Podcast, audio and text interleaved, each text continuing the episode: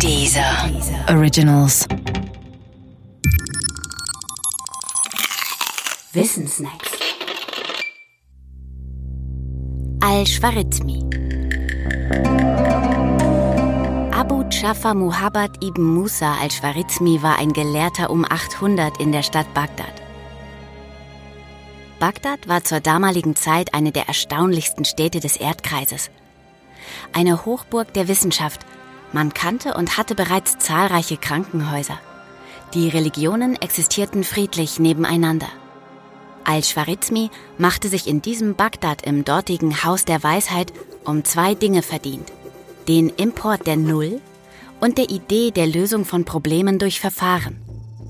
Die Null erfunden hatten zwar die Inder, aber es war Al-Schwarizmi, der sie in den arabischen Raum einführte und das Rechnen mit ihr popularisierte. Mit der Null war plötzlich die Verwendung von Stellenwertsystemen möglich, wie wir sie heute auch von unserem Dezimalsystem her kennen. Der Vorteil von Stellenwertsystemen? Sie brauchen nur eine kleine Menge von Zahlzeichen und der Wert einer Ziffer hängt von der Stellung innerhalb der Zahldarstellung ab. Das macht schnelles Rechnen für jedermann möglich. Die Römer hatten so etwas nicht. Und es sollte auch noch 700 Jahre dauern, bis die Null- und die Stellenwertsysteme Mitteleuropa erreichten. Al-Schwarizmi popularisierte aber nicht nur die Null. Er beschrieb auch Verfahren zur Lösung bestimmter Gleichungen.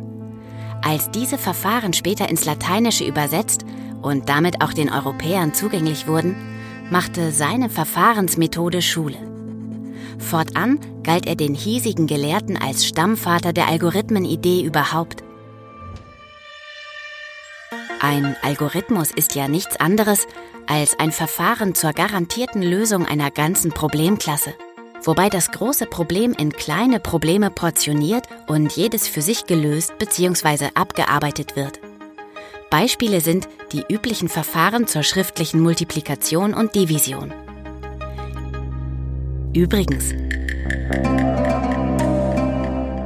das Wort Algorithmus leitet sich, auch wenn man es auf den ersten Blick nicht sieht, von seinem Stammvater Al-Schwarizmi ab. Latinisiert heißt Al-Schwarizmi nämlich Algorithmi.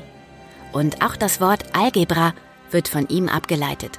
Genauer vom arabischen Titel eines seiner Werke über Rechenverfahren.